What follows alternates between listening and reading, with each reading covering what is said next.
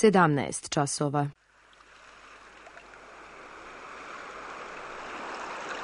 Radio Televizija Srbije. Radio Beograd 2.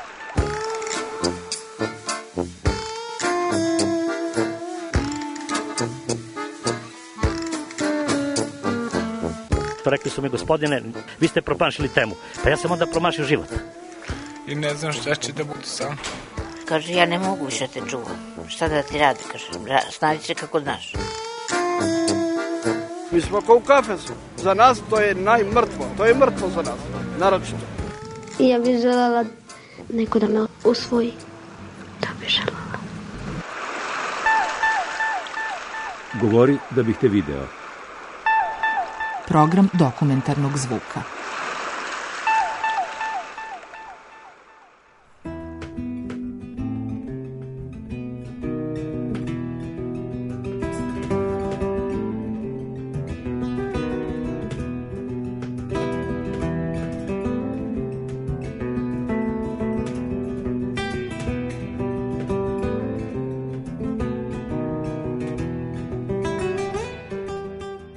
Dođete i pogledate moj nakit, tako vam se sviđa, ja sam sretan. I to ne jedan puta, nego sam sretan dva puta. Jedan put što sam ja to napravio, a drugi put kad završi na ruci neke lepe žene.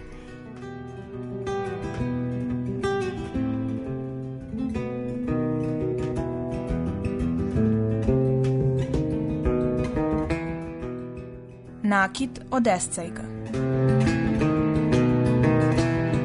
Govori Mihajlo Jovanović.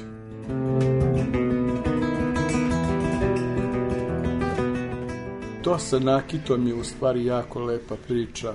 Počeo sam to pre nekih 40 godina, bez želje da nešto potenciram, ali potičem iz stare gradske beogradske porodice i moja majka je od e, svoje majke nasledila taj neki stari esce, kako se to onda zvalo, odnosno pribor za jelo. On je bio jako kvalitetan krup Berndorf. U tom trenutku je bilo to najbolje što je moglo da se nađe na našem tržištu i služio je praktično dve, čak odnosno i tri generacije, jer ja pamtim da sam do neke desete, možda i dvaneste godine uvek za slavu iznosili taj ovaj pribor za jelo, čistili ga, polirali, on je presvučen srebrom i dok ne dobije onako sjaj da, da bude kako treba. I to je išlo godinama u jednom trenutku, mislim da je to bilo negde tamo možda 80. godine, kad je već ovo naše potrošačko društvo uhvatilo maha i ovde kod nas, majka je kupila pribor od običnog čelika, niklovano i to je bilo lako zadržavanje i to je presudilo tom starom priboru za jelo koje mora svaki put da se polira i čisti. Ona mi je dala i kaže, na, uradi nešto s ovim, skloni mi to iz kuće. Ja ceo život nešto pravim rukama, radim, to mi je neko zadovoljstvo. Tada nije baš bilo toliko stanovo kao što je sada, kao što je Novi Beograd. Svi smo uglavnom živjeli u svoje kući, imali svoje dvorište i svaka kuća imala neku šupu ili nešto gde stoji ovaj malo alata, ne znam, testera, čekića, ovo ono. Ja sam u toj nekoj šupici napravio svoju malu radionicu i tu sam imao sve ono što mi treba, znači pripremim skije za skijanje, podmažem svoje rolere, rošuje i tako. I odno sam to kod mene u moju malu radionicu i godinu dana sam razmišljao šta i kako da radim sa tim.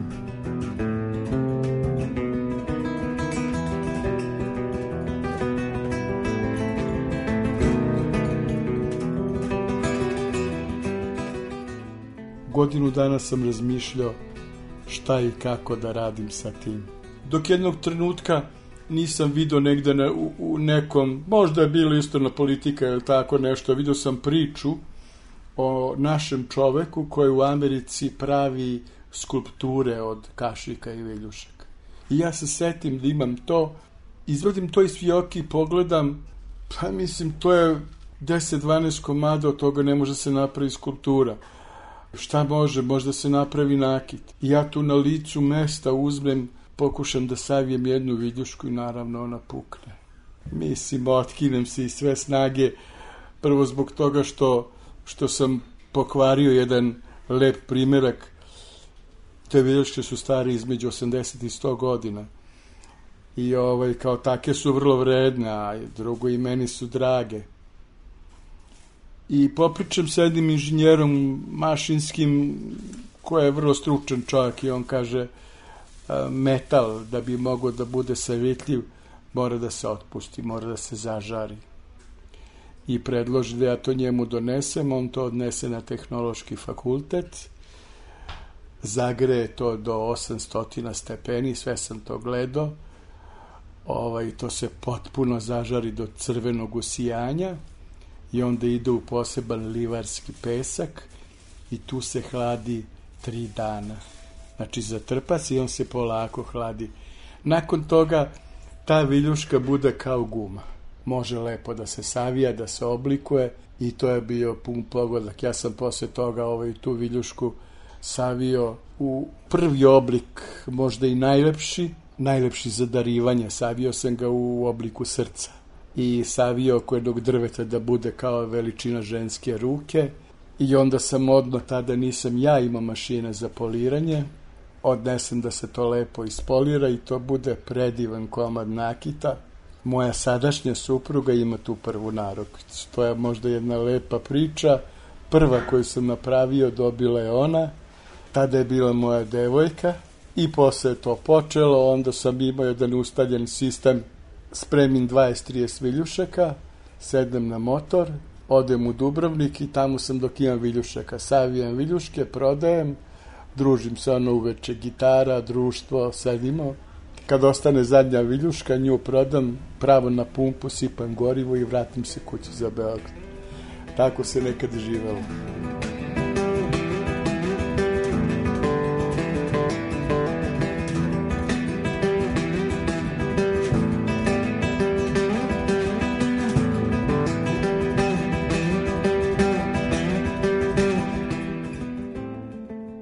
Suština je da se malo izmeni prvobitni oblik viljuške. Znači, viljuška ostaje vizualno taka kaka jeste, čak ona plastika gde se drži rukom, onaj fini rad, sve to ostaje. Ako je srebrna, ostaju tragovi od toga da je srebro, žigovi i sve ostalo. Savija se praktično samo onaj deo kojim se a, nabada uzima hrana. I taj deo se savija u obliku željenom. Znači onako kako trenutno imam inspiraciju. Pa neki put u obliku srca, neki put u obliku paunovog repa, neki put u obliku perunike. Znači cveće i životinje. Od viljuške se pravi privezak u obliku ribice, u obliku oktopoda. Od kašike se pravi privezak u obliku kitovog repa. Znači, materijal je tu, ne menja se suština, on ostaje takav kakav jeste, ja mu samo menjam daje mu drugi oblik. Veštom oku ne može da promakne šta je poreklo nakita. Znači vidi se da je to recimo viljuška. Ona se obično i oplemeni sa nekim poludragim kamenom. To bude ili žad ili jaspis. Za jaspis postoji jedna lepa priča. Jaspis zovu još i kamen ljubavi. Marka Aurelije kad je pisao Kleopatri, on imao za ta pisma specijalni pečatnjak od jaspisa, kojim je pečatio svoja pisma i pošto je taj pečatnjak bio od jaspisa, a slata su ljubavna pisma, onda je jaspis prozvan ljubavni kamen. Mada generalno ljubavni kamen u celom svetu važi žad, jer je indijski maharađa napravio Taj Mahal ceo od žada svoje voljenoj suprugi koja je umrla.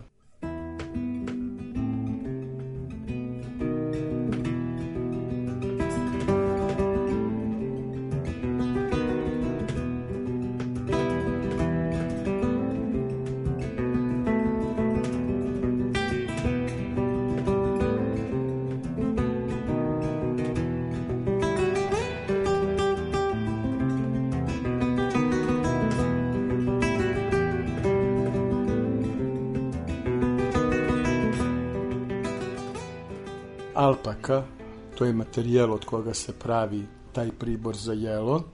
U stvari zašto od alpake? Bogate kuće su Pribor taj pravili od srebra. Najbogatije, odnosno kraljevske kuće su Pribor imali od zlata.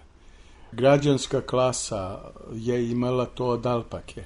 Alpaka je mešavina malo srebla, malo kadmijuma, malo olova, malo nikla, hroma, bakra i tako, da tako kažem, jedna kombinacija, sublimacija više metala koja daje dovoljno čvrst metar koji ipak sija da može da se lepo lije i da zameni srebro.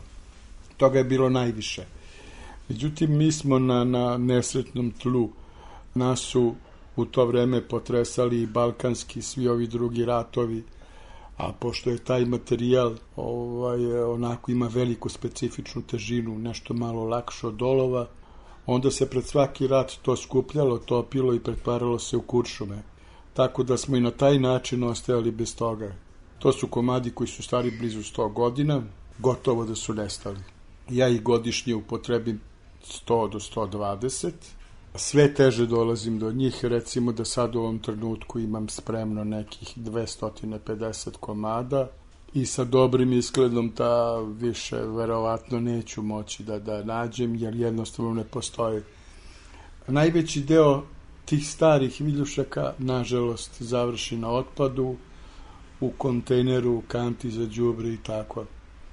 E sad da se baš ne bi ponovila istorija da sve bude uništeno, pobrinili su se naši zemljaci Romi, koji kopaju po kantama, nađu to, izvade, donesu na buvljak i ja to poranim ujutru 4 sata, 5, odem kod njih i to otkupim.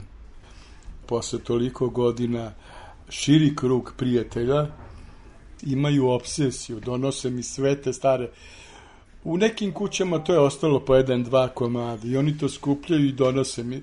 Recimo, donesu mi dve viduške. Ja odmah jednu napravim i dam njima kao zahvalnost što su mi to uradili, a od druge pravim sebi, odnosno za moje klijente.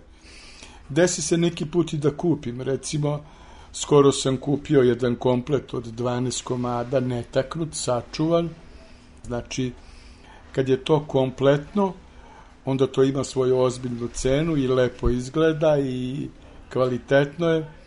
Ja sad imam jednu količinu toga razvrstano po zemljama porekla, znači Rusija, Francuska, Nemačka, Italija, onda lepi komadi koji se čuvaju da budu vizualno e, za izložbu pripremljeni i tako, znači od svega toga je ispalo sad svašta, imam praktično i jedno veliko zna, zvanje, znanje koje sam uspod stekao baveći se svim tim.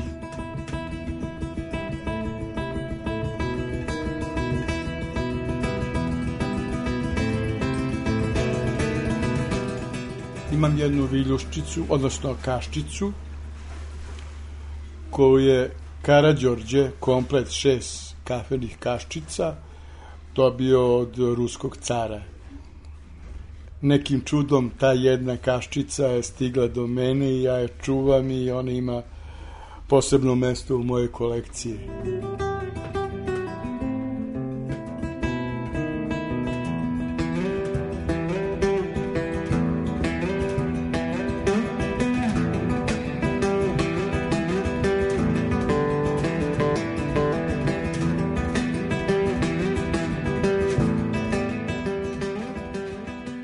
Počeo sam kao klinac, rekao sam, sedem na motor, odem u Dubrovnik, budem tamo dok imam viljuške, kad nemam, vratim se kući i to je to. Kasnije to poprimilo jedan malo, da tako kažem, profesionalni oblik. Moj dobar drugar, koji inače je vajar, i kome dugujem zahvalnost što sam se ovaj, razvijao u tom pravcu umetničkom, je imao u to vreme, to je bila neka 88. 9. godina imaju skadalije svoj štand. To se svodilo, prvo da odemo tamo kod njega na štand, kupimo pljeskavicu, litru vina, družimo se celo veče, malo pevamo, malo služimo, služamo Radeta Damjanovića i tako. A onda on kaže, pa daj kad imaš te narukice, donesi ovde, on ima svoj štand i tu je prodavao svoje skulpture i slike što je radio, donesi pa ćemo imati bogatiju ponudu.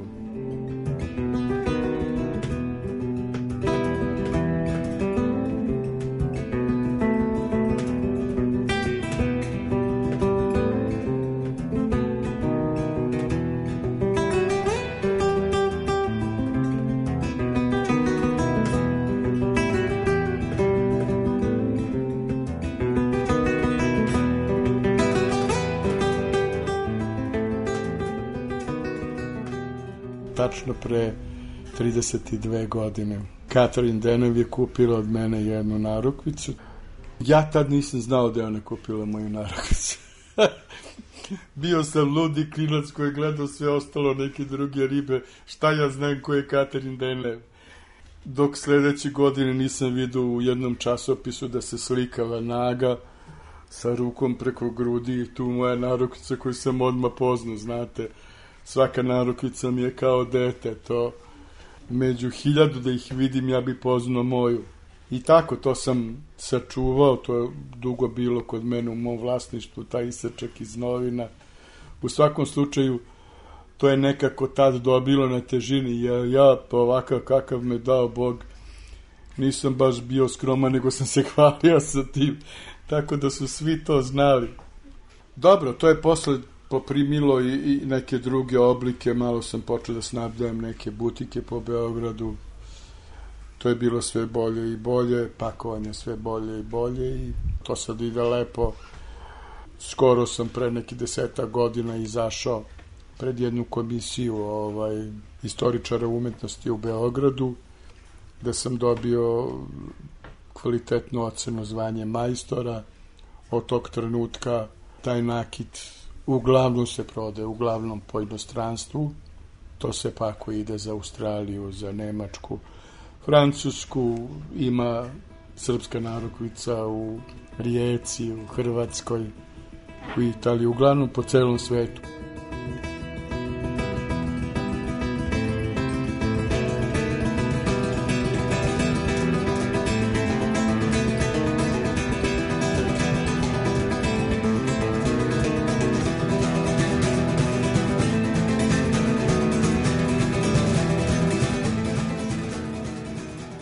Ja sam u ovom trenutku po zanimanju penzioner, sretni penzioner. Inače sam završio elektrotehniku i 35 godina sam radio na kliničkom centru Srbije. Vodio sam tehničku službu na urgentnom centru i u kliničkom centru. Odatle sam otišao u penziju. Nešto kao ozbiljan hobi mi je bila nautika. Na ovom klubu, tu iza vas, to je nautički klub Dorčal, tu sam 20 godina vozio trkački čamac za nautički klub Dorčal. Sve sportove koji postoje na vodi, skijenje na vodi, ronjenje, sve sam to usavršio. Umeđu vremenu sam položio za kapetana. Imam zvanje kapetana trgovačke mornarice. Plovio sam po svetu, plovim ovde po Beogradu, vozim ove brodove, goste, strance kad dođu. Nakit je moj hobi i moja velika ljubav. Ovo je posao od koga sam živeo i to sam uspešno završio i otišao sam u penziju. Sad radim samo nakit i radim ovaj posao na vodi kad ima posla.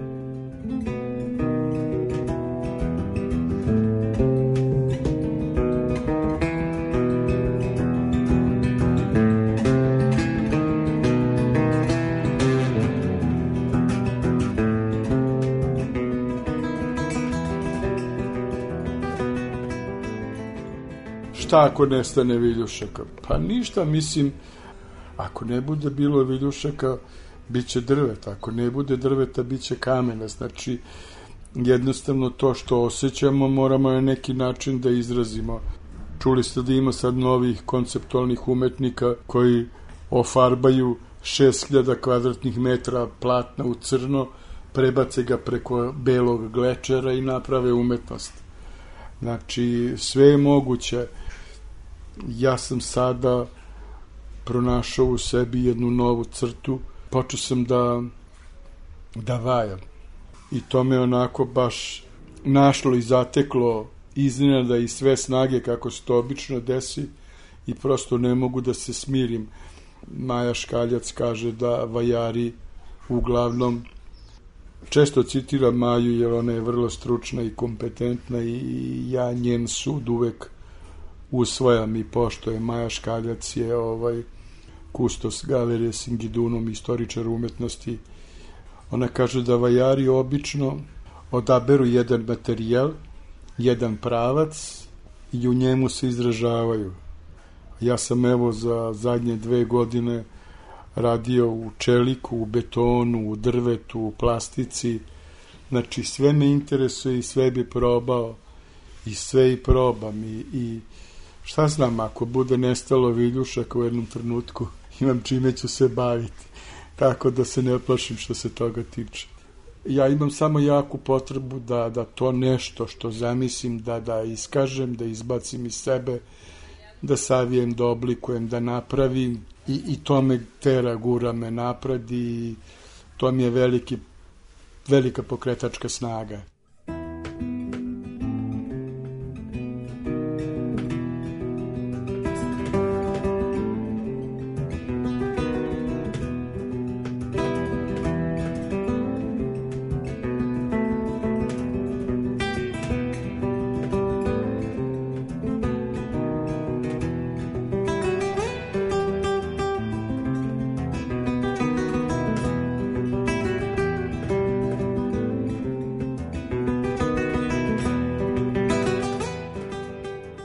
Ovoj izložbi je bilo jedno 4-5 komada nakita koje su teli i ranije, a i sada da kupe, ali ja to jednostavno ne prodajem.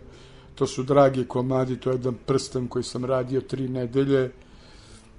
On je mali, ali uženo strahovito mnogo rada i ispao je neverovatno lep. I on je u dubokoj poznati, to je radio jedan moj prijatelj koji je elektrohemijski to radi naneto je 24 karte ovaj, poznate na njega zlato. I to izgleda prelepo i to je komad od koga se ne bih odvojio. Ima jedno dve, tri narokvice jedna od njih isto u vlašništvu moje supruge. Ona je nosi, odnosno ona je više ne, ne nosi, ali ja je čuvam i ide samo od izložbe do izložbe. I tako ima par komada koji imaju posebnu istoriju zbog različitih stvari su mi dragi, jako su lepi i čak su možda prvi među svojim koji su napravljeni i zato ostaju trajno u kolekciji. Izgleda da me to prati i u skulpturama. Napravio sam dve skulpture od sadašnjih devet, od kojih jednostavno ne mogu da se ovaj odvojim. Ja sam imao tu sreću da na ovoj izložbi sada se pojavi kupac čovek koji želi da kupi moju skulpturu je pravi muzej u Valjevu, ali ja ovakav kakav me dao Bog nisam mogu da se odvojim od skulpture i nisam prodao.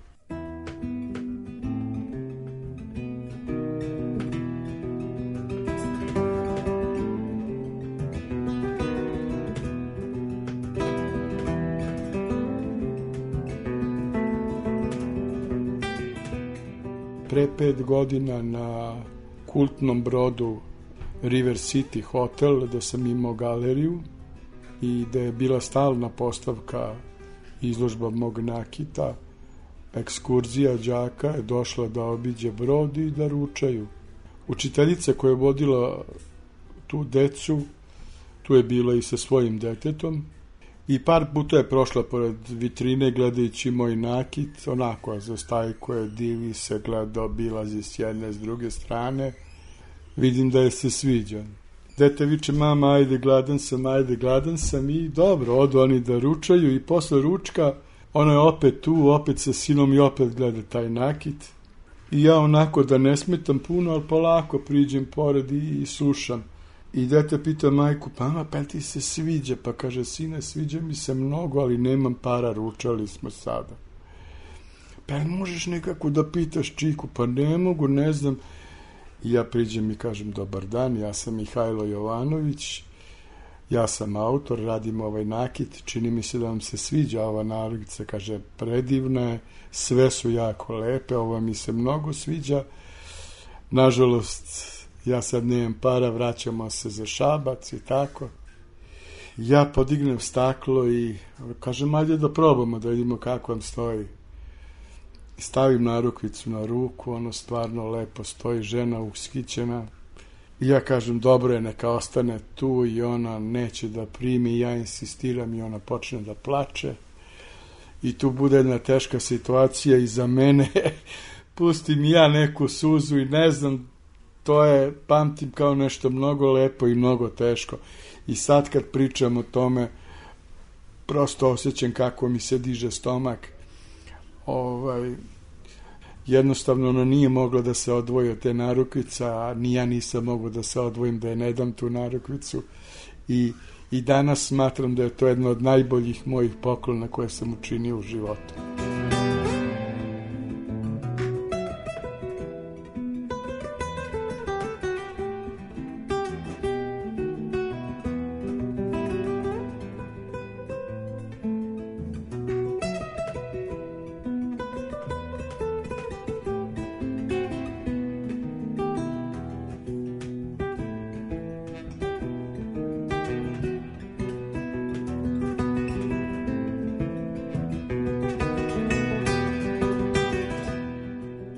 Dođete i pogledate moj nakit, ako vam se sviđa, ja sam sretan.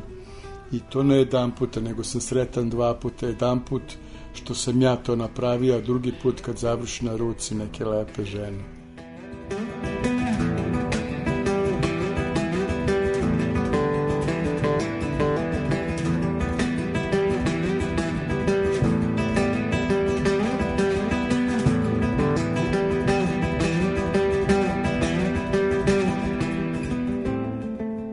Čuli ste dokumentarnu reportažu Nakit od Escega. Ton majstor Strahinja Veljković, autor Milena Radić.